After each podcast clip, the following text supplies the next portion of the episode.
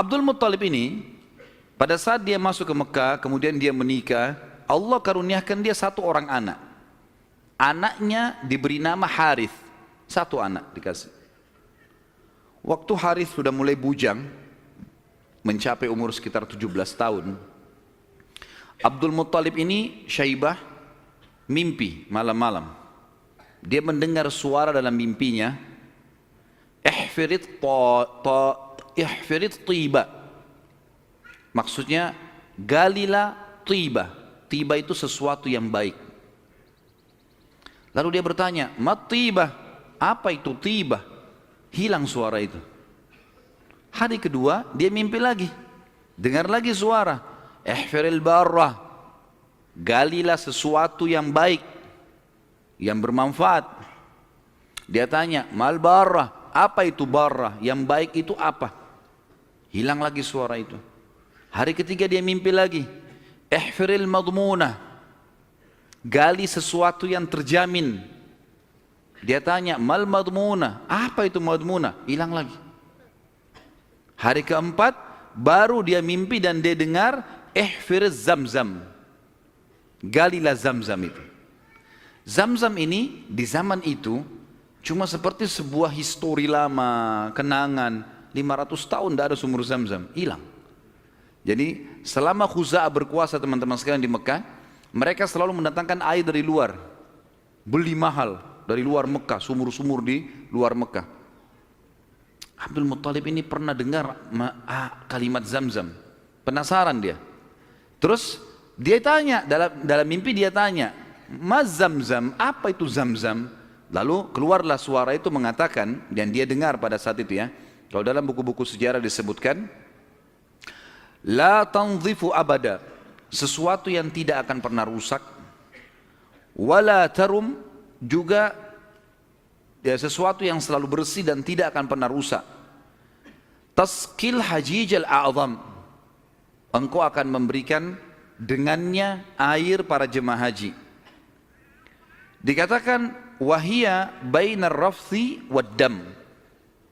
Tempatnya air zam-zam itu berada di antara rafas. Rafas itu bisa berarti busanya darah atau memang darah yang bercampur eh, apa namanya? busa yang bercampur dengan darah atau memang busa air biasanya. Jadi dikatakan sini ciri-cirinya adalah su, tempat zam-zam itu ada darah yang bercampur dengan rafat dengan busa kemudian bercampur sama tanah. Lalu dikatakan lagi dalam mimpinya, Inda nakratil gurabil a'sam di, ba, di atas eh, di bawah patokannya burung gagak yang memiliki warna keputih-putihan. Indal inda qaryatin naml di atas atau di sekitar sarang semut. Seperti itu dalam mimpinya. Maka Abdul Muttalib bangun pagi-pagi, penasaran dia dengan mimpi ini. Dan dia tahu, mimpi ini gak mungkin main-main. Tiga hari, empat hari berturut-turut, Kemudian dia disuruh gali, dia bawa cangkulnya. Datang di sekitar Ka'bah. Dia cuma tebak saja kemungkinan dekat Ka'bah nih. Karena tidak ada tempat yang lebih agung di Mekah daripada Ka'bah. Dia datang dekat Ka'bah. Dan kalau masih ingat dulu, pada pertemuan kita di bulan yang lalu, ada penjelasan tentang dua patung yang disembah di Mekah. Isaf dan... Hah, siapa yang ingat? Kalau lupa saya nggak datang lagi balik papan. Isaf dan Na'ilah. Isaf kan nama laki-laki, Naila nama perempuan. Yang dulu mereka saling suka, akhirnya mereka berzina depan Ka'bah dan dikutuk menjadi patung. Kan dulu waktu sebelum Amr bin Luhai datang ke Mekah, patung Isaf ditaruh di Gunung Safa, patung Naila ditaruh di Gunung Marwah untuk peringatan bagi orang-orang. Nih, hati-hati kalau berzina depan Ka'bah dikutuk begini nih, gitu. Tapi oleh Amr bin Luhai yang membawa patung masuk ke Jazirah Arab, dia angkat patung Isaf dan Naila dipindahin dekat Ka'bah disuruh orang Mekah sembah. Tapi orang sudah lupa sejarahnya karena kejadian Isaf dan Naila dikutuk ini jauh sebelum Amr bin Luhai. Ringkas cerita, di depan Ka'bah antara Hajar Aswad dengan Hijir Ismail itu ada patung Isaf dan Naila. Ada satu suku Arab teman-teman sekalian datang ke situ antara Isaf dan Naila nyembeli sapi. Tiba-tiba pada saat Abdul Muttalib lagi duduk lagi memperhatikan ke arah Ka'bah di antara Isaf dan Na'ilah, kemudian ada orang yang beli sapi. Waktu disembeli, darahnya ngucur. Darah itu berbusa. Dan karena dia ngucur, jalan sampai berada di sekitar Isaf dan Na'ilah. Dia kurang lebih jangan kita jangan dibayangkan ini Ka'bah, ini Hajar Aswad dan ini Hijr Ismail. Isaf dan Nail itu ditaruh cukup jauh ya, agak berjarak antara Isaf antara Hajar Aswad jauh ke belakang dengan Hijr Ismail juga jauh. Jadi di kiri kanan ya. Tempat itu sangat luas. Jadi eh, jangan difahami tadi ini misalnya Ka'bah kemudian di sini posisinya, tapi agak jauh di kiri kanan. Maka pada saat itu darah ini ngucur dari patung Isaf itu menuju ke tempat di tengah-tengah di situ. Pada saat itu di tengah-tengah. HP-nya siapa nih? Pada saat itu patungnya, maaf darahnya ngalir, kemudian darah itu ngalir menuju ke tengah-tengah uh, uh, antara Isaf dan Naila ini, dan ada seperti tempat agak turun di lembah Mekah kan waktu itu masih pasir, lalu darah itu berkumpul di situ. Jadi akhirnya darah sama pasir bercampur. Abdul Muttalib lihat ini isyarat pertama nih Mimpinya kan tadi darah yang mengalir berbusa yang bercampur dengan tanah, gitu kan. Lalu kemudian dia dekatin tempat itu, darah yang berkumpul itu. Dia temukan tiba-tiba ada burung gagak yang berwarna hitam. Burung gagak biasanya warna hitam ya. Tapi kalau ada burung gagak yang di bagian sayapnya itu ada beberapa bulu warna putih namanya a'sam dalam bahasa Arab. Gurabil a'sam. Maka dia lihat ada burung gagak. Burung gagak ini mengepakin sayapnya dan mematuk-matuk di atas sekitar darah itu. Dia lihat isyarat yang kedua. Isyarat yang ketiga adalah di situ ada sarangnya semut. Dia lihat ke dekat kakinya ternyata ada beberapa semut ekor semut yang menggigit kakinya dia. Dia melihat ada lubang di situ. Maka dia bilang kepada anaknya Harith, Harith, saya mau menggali di sini. Siapa pun jangan mengganggu saya. Maka dia angkat cangkulnya. Tapi kita jangan lupa ini depan Ka'bah. Orang-orang lagi banyak tawaf waktu itu. Walaupun banyak berhala. Dia angkat cangkul. Orang jadi bahan perhatian. Tokoh-tokoh Quraisy pada datang semua. Lalu tokoh-tokoh Quraisy mengatakan, Hai Abdul Muttalib, apa yang kau lakukan? Kata Abdul Muttalib kepada Harith, singkirkan mereka dari saya, sibukkan. Jangan sampai mereka dekatin saya. Terus saja Harith menyibukkan orang-orang Quraisy dan Abdul Muttalib terus saja mencangkul sampai ujung cangkulnya menyentuh bibirnya sumur itu. Sumur Zam-Zam. Dan dengan kuasa Allah airnya muncrat keluar. Pada saat airnya muncrat keluar, Abdul Muttalib mengatakan Allahu Akbar. Karena memang mereka menggunakan bahasa Arab dan kalimat Allahu Akbar itu sudah biasa mereka ucapkan, gitu kan? Maka Orang-orang Quraisy tahu kalau Abdul Muthalib sudah dapat target dan mereka kaget waktu lihat air muncrat, air di depan Ka'bah. Selama ini selalu ambil dari luar. Ini kemuliaan abadi gitu kan. Maka tiba-tiba orang Quraisy datang, "Hai Abdul Muthalib, air ini kita punya sama-sama." Kata Abdul Muthalib, "Dari mana sama-sama?" Saya mimpi, saya yang cangkul, saya yang dapat. Dari mana kalian punya sama-sama nih? Ribut nih. Abdul Muttalib bilang ini punya saya. Quraisy bilang enggak, dikeroyokin Abdul Muttalib pada saat itu. Ribut akhirnya mereka sepakat panggil hakim lagi. Ini hakimnya nih, cari penengah. Bagaimana caranya supaya ini bisa ditengahi gitu kan. Insya Allah masalah di tengah ini kita lanjutkan habis sholat isya. Subhanakallahumma bihamdika asyhadu an la ilaha illa Wassalamualaikum warahmatullahi wabarakatuh. Assalamualaikum warahmatullahi wabarakatuh. Alhamdulillah, wassalatu wassalamu rasulillah. Kita lanjutkan bahasan kita. Akhirnya Abdul Muttalib setelah menemukan sumur zam-zam Orang-orang Quraisy tetap menuntut untuk dibagi. Dan Abdul Muttalib bertahan. Gak bisa nih Saya mimpi, saya yang gali, saya yang temukan Gimana kalian merasa punya hak di situ? Ribut akhirnya dicarilah penengah Dan pada saat itu mereka tidak lagi ke Ya'mur tapi mereka pergi ke dukun Bani Sa'idah. Ada satu dukun wanita di Madinah, waktu itu disegani. Dan memang pada saat itu dukun-dukun ini luar biasa pengaruhnya. Pergilah Abdul Muttalib bersama dengan tokoh-tokoh Quraisy. Saya tidak temukan jumlah mereka berapa orang, tapi yang jelas mereka semuanya pergi ke sana. Tiba di kota Madinah, ternyata dukun tersebut pergi ke Khaybar wilayah lain. Nanti akan ada bahasan masalah Khaybar, tapi yang jelas pergi ke Khaybar. Abdul Muttalib sepakat dengan teman-temannya, kejar aja tuh, kita ke Khaybar. Antara Madinah sama Khaybar cukup jauh dan ada padang pasir yang luas sekali. Mereka belum pernah ke Khaybar sebelumnya, jadi masih menerka-nerka jalan. Di tengah jalan mereka kehabisan air. Mau balik ke Madinah, jaraknya jauh. Mau menuju ke Khaybar, belum jelas tujuannya. Air habis, panas lagi sangat terik pada saat itu. Mereka bermusyawarah, kira-kira bagaimana jalan keluarnya nih? Akhirnya orang-orang Quraisy selain Abdul Muttalib sepakat mengatakan kayaknya kita pasti mati nih. Nggak ada air. Kembali ke Madinah bisa mati tengah jalan, menuju ke Khaybar juga nggak jelas bisa mati tengah jalan. Ya sudahlah, kita pasti mati, lebih baik kita gali kubur saja. Riwayatnya begitu, kisahnya begitu. Gali kubur. Dari sekian orang ini, nanti setiap siapa yang mati duluan dikubur oleh temannya. Minimal nanti ada satu orang yang tidak tertutup kuburannya, yang lain semua tertutup. Akhirnya mereka pada gali kuburan. Kecuali Abdul Muttalib nih. Abdul Muttalib bilang ini bukan ide yang tepat nih. Masa kita menyerah? Lebih baik coba kita cari jalan. Teman-temannya bilang percuma mau ke mana? Abdul Muttalib naik ke atas untanya. Begitu untanya bergerak, dari pijakan kakinya untanya Abdul Muttalib keluar muncrat air di padang pasir itu. Keluar mata air. Lalu Abdul Muttalib melihat, dia turun dari untanya, dia minum airnya, untanya dikasih, lalu diajak teman-temannya, ayo ini ada air, minum. Teman-temannya heran, di padang pasir ada air.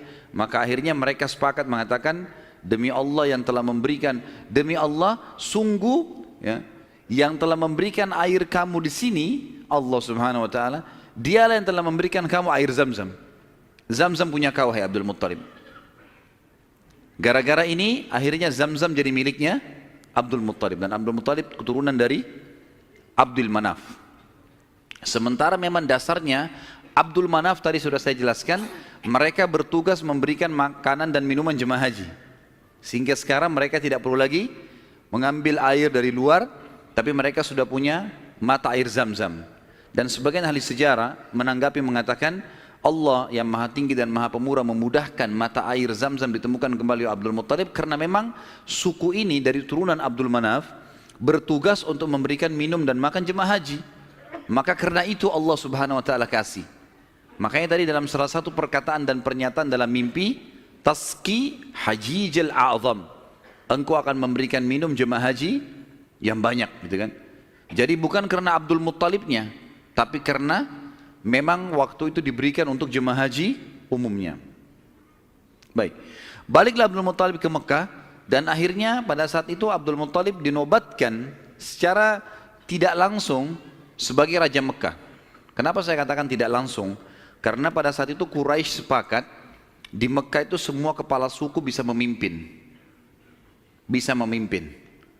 Tidak harus fokus ke Abdul turunan Abdul Manaf atau Abdul Mana, Abdul atau Abdul Dar tapi mereka Abdul Manaf Abdul Dar ini mereka yang memegang Ka'bah memegang uh, apa namanya urusan haji dan uh, jemaah haji minum dan makannya ini tapi pasukan segala macam ini boleh dari mana saja tapi dengan kejadian Abdul Muttalib menemukan air zam-zam maka terkerucut lagi masalah orang-orang Mekah karena tadi setelah Abdul Dar meninggalkan kita sudah bilang tadi kan pecah ya Abdiddar kan jadi raja pengganti ayahnya Kusai. Tapi setelah Abdiddar mati ribut anak-anaknya. Akhirnya tidak ada raja. Setelah kejadian air zam-zam, secara tidak disadari Abdul Muttalib ditunjuk menjadi raja. Dan inilah sebabnya waktu kita jelaskan tadi masalah pasukan gajah yang datang, Abdul Muttalib kan menjadi raja pada saat itu. Dan menjadi raja justru karena menemukan mata air zam-zam ini. Abdul Muttalib pada saat itu mulai naik kedudukannya, namanya jadi tambah baik dan seterusnya. Memang orangnya sangat dermawan. Semua orang boleh minum air zam-zam tapi melalui izin dia. Tapi tidak bayar, gitu kan? Dikasih semuanya. Abdul Muttalib mulai berpikir, waktu dia tadi punya anak satu, namanya Harith. Masih ingat nggak? Wah, ngaku-ngaku aja. Baiklah, saya terima. Anaknya tadi satu, Harith. Yang disuruh jaga sama dia waktu dia mencangkul kan? Baiklah. Si Harith, dia pikir, waktu saya tadinya punya anak satu nih, kayaknya kerepotan, gak ada yang bisa bela dia. Dan seorang raja, salah satu kebanggaannya kalau punya keturunan banyak. Maka dia pada saat itu berazam, bernazar ya. Kalau Allah memberikan dia anak laki-laki yang banyak, jumlahnya mencapai 10, dia akan menyembeli salah satunya. Dikorbankan di depan Ka'bah untuk Allah. Enggak ada dalam syariat Nabi Ibrahim alaihissalam ini ijtihadnya, upayanya Abdul Muttalib. Subhanallah berjalan waktu, ah, istrinya melahirkan, melahirkan, punya anak 16. Anaknya Abdul Muttalib 16. 10 laki-laki, 6 perempuan. Laki-laki yang 10 ini, yang paling pertama tentu ada namanya Harith. Ya. Kemudian ada, jadi dari 10 ini kita bagi. 6, 6 ini meninggal sebelum masa kenabian empat mendapatkan masa kenabian. Dari sepuluh anak Abdul Muttalib yang laki-laki, ada enam yang meninggal sebelum fase kenabian, sebelum penobatan Nabi SAW menjadi Nabi. Ini paman-paman Nabi semua ya. Dan ada empat yang yang yang mendapatkan fase atau masa kenabian. Enam orang yang tidak dapat masa kenabian ini tentu dimulai dari Harith tadi. Anak pertamanya Abdul Muttalib, Kemudian tentu ada juga ada beberapa nama ya, saya sebutkan Harith, Dirar, Hijir, Muqaddam, Zubair, dan yang keenam Abdullah, ayahnya Nabi SAW. Abdullah ini sebenarnya anak paling bungsu dari Abdul Muttalib, anak ke sepuluh. Anak ke sepuluh dari sepuluh anak laki-lakinya. Ya. Maka enam orang ini meninggal sebelum masa kenabian. Harith, Dirar, Hijir, Muqaddam, Zubair dan Abdullah. Dan ada empat orang hidup sampai masa kenabian. Dua beriman, dua kafir. Yang beriman adalah Hamzah dan Abbas radhiyallahu anhum. Ini sempat beriman pada Nabi SAW dan mulia. Hamzah bahkan menjadi pimpinan para syuhada, mati syahid mulia di perang Uhud dan Abbas hidup sampai setelah Nabi SAW meninggal pun sampai di zaman Khilafah Umar. Ya? Kemudian ada dua yang hidup di masa kenabian tapi kafir, enggak beriman. Abu Talib dan Abu Lahab. Ya. Abu Talib ini nama lainnya dia Abdul Manaf. Diambil dari nama kakeknya, tapi terkenal dengan Abu Talib. Abu Lahab julukan namanya Abdul Uzza. Dan kita tahu surah Al-Masad turun pada Abu Lahab ini. Ya. Paman Nabi SAW benci sekali dengan Nabi, benci dengan dakwah. Nanti akan kita ceritakan kisahnya di pertemuan akan datang. Yang jelas ini 10 orang anak laki-laki Nabi SAW. Kemudian ada enam orang anak perempuan. Yang pertama Sofia. Sofia ini ibunya Zubair bin Awam. Radiyallahu anhu. Dan Sofia nanti akan kita ceritakan kisahnya luar biasa pemberani perempuan ini. Gitu kan. Dan dia mendidik Zubair bin Awam dengan sangat tegas. Jadi kalau dia jalan, dia membawa Zubair, dia latih di tempat gelap sengaja dia diam. Kalau Zubair nangis ditinggalin, dibiarin. Karena mau dilatih. Orang-orang semua pada hardik, hai Sofia kenapa kau gitu kan anakmu? Saya mau dia jadi pemberani. Dan betul-betul jadi pemberani Zubair. Zubair itu di peperangan-peperangannya kalau teman-teman ikuti ceramah saya di YouTube ada serial sahabat di antara Zubair bin Awam itu luar biasa. Kalau pasukan lagi berhadapan, dia dia dia maju ke depan musuh. Jadi musuh di depan ini, kemudian dia di depannya. Tunggu takbir di belakang, dia serang duluan sendirian. Luar biasa beraninya, radhiyallahu anhu. Ibunya namanya Sofia, tante Nabi SAW. Dan ini sempat masuk Islam di tangan Nabi SAW. Kemudian ada Ummu Hakim, ada Atika, ada Umaymah, ada Arwah dan Bar. Kita masuk sekarang ke masalah kembali ke mana Abdul Muttalib. Abdul Muttalib ini anak terakhirnya yang ke-10 adalah Abdullah. Dan itu ayah Nabi SAW. Abdul Muttalib kan tadi sudah saya bilang dia nazar kalau punya 10 anak laki-laki dia akan korbankan salah satunya kan. Lalu dia datang ke dukun di Mekah dan dia berkata pada dukun itu, acaklah nama anak-anak saya. Tradisi mereka pada saat itu suka sekali mengundi nasib. Kalau di dalam agama kita disebutkan tradisi mereka namanya tatayur, menggandun nasib sama benda atau sama burung. Orang-orang Arab itu kalau e, orang Quraisy dulu, mereka kalau mau safar, mereka ambil bulu, kemudian mereka tulis safar. Bulu yang kedua tidak safar, bulu ketiga kosong. Dimasukin dalam kotak, kemudian dia ambil salah satunya tidak sambil, sambil tidak dilihat. Kalau keluar kata-kata safar, dia yakin di perjalanannya aman. Tradisi jahiliyah, mereka salah pada saat itu tentunya. Kemudian kalau keluar tidak safar, mereka tidak boleh safar. Kalau mereka safar berarti kena musibah. Kalau keluar bulu yang tidak ada tulisannya, maka dia ulangi. Ada cara yang lain, sampai dapat safar atau tidak safar ya. Kalau ada tradisi yang lain adalah, kalau mengacak nama, maka mereka menulis nama di batu, lalu batu ini dibalik, kemudian ditaruh lalu diacak, dikeluarkanlah. Kalau mereka butuh sesuatu dengan cara seperti itu. Ya.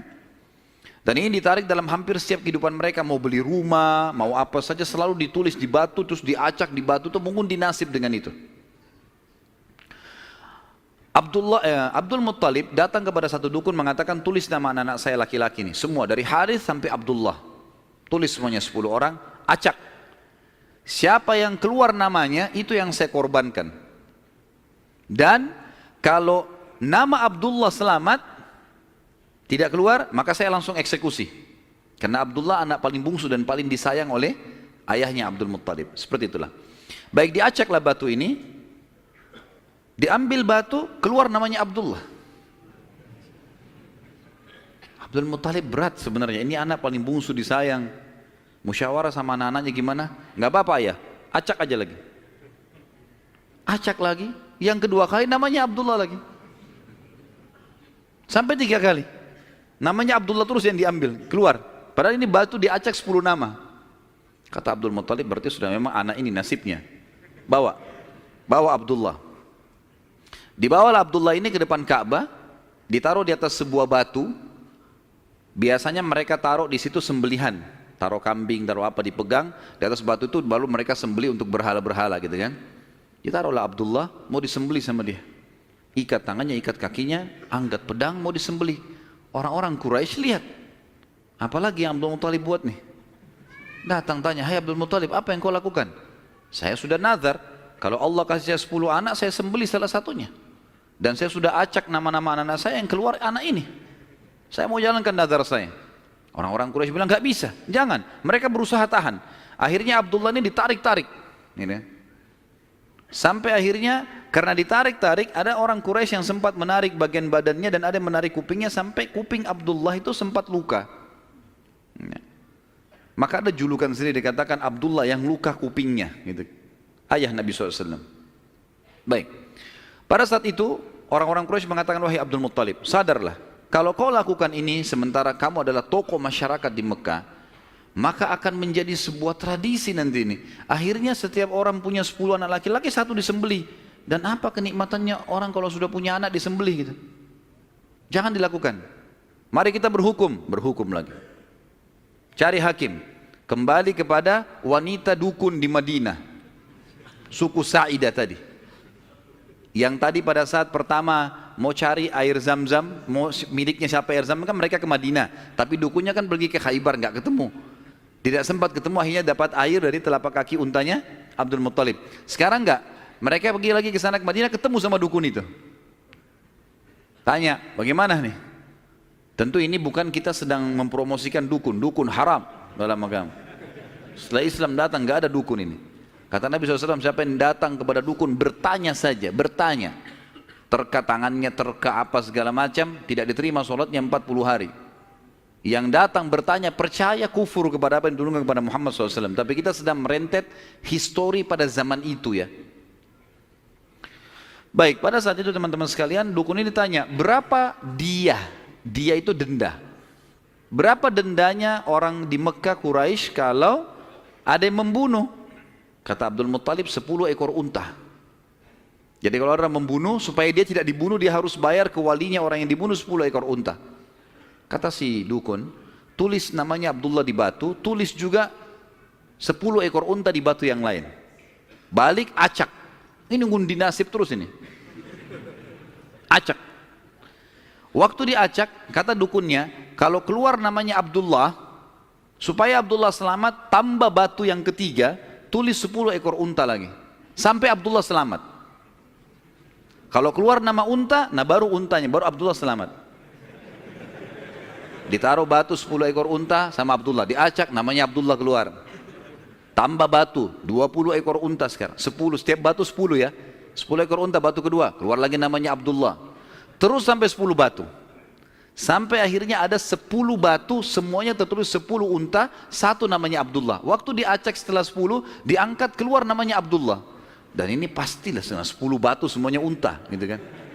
Semestinya secara rasional gitu ya. Tapi ini pada saat itu keyakinan orang. Abdul Muttalib bilang saya nggak percaya, saya nggak, saya belum puas nih. Coba acak lagi, diacak lagi, diambil unta sampai tiga kali. Kata Abdul, kata Abdul Muttalib baiklah. Kalau begitu saya akan sembelih, sembelih itu 100 ekor unta. 100 ekor unta. Karena setiap batu 10, ada 10 batu, maka 100 ekor unta. Pada saat itu akhirnya dengan kejadian ini Abdullah selamat dari sembelian atau dikurbankan. Dan Nabi SAW berkata dalam sebuah hadis, Ana ibnu Zabihain. Saya keturunan dari dua orang yang hampir disembelih. Ismail alaihissalam oleh ayahnya Ibrahim dan Abdullah oleh ayahnya Abdul Muttalib.